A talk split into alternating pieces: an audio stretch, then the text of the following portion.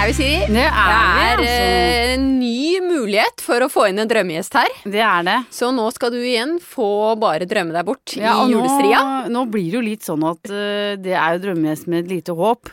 Ja, det må være det. Eh, ja, det er min tur. Det er det. Eh, min drømmegjest, eh, faktisk, eh, det er mange av de. Denne gangen her eh, går jeg for en som jeg har vært litt sånn ambivalent til, egentlig. Har du det?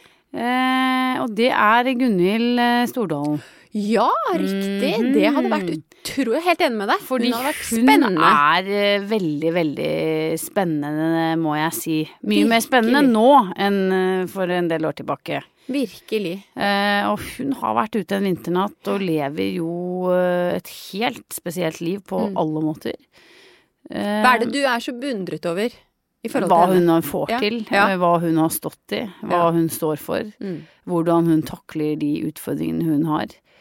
eh, Og denne usikkerheten som hun helt sikkert eh, går med absolutt hele tiden. Mm. Ja. Men også det utrolig spennende IT-prosjektet. Hva hun får til, Ja. altså.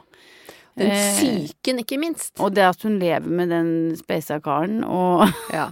Nei, det er Nei, alt. det- Hun er like gammel som oss. Hun Mm. er det, ja. Hun er det. Eh, Nei, hun har jeg utrolig lyst til å ta en prat med.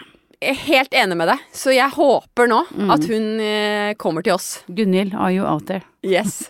You're welcome.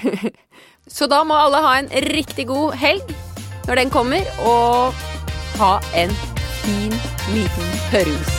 Tid. Ha det.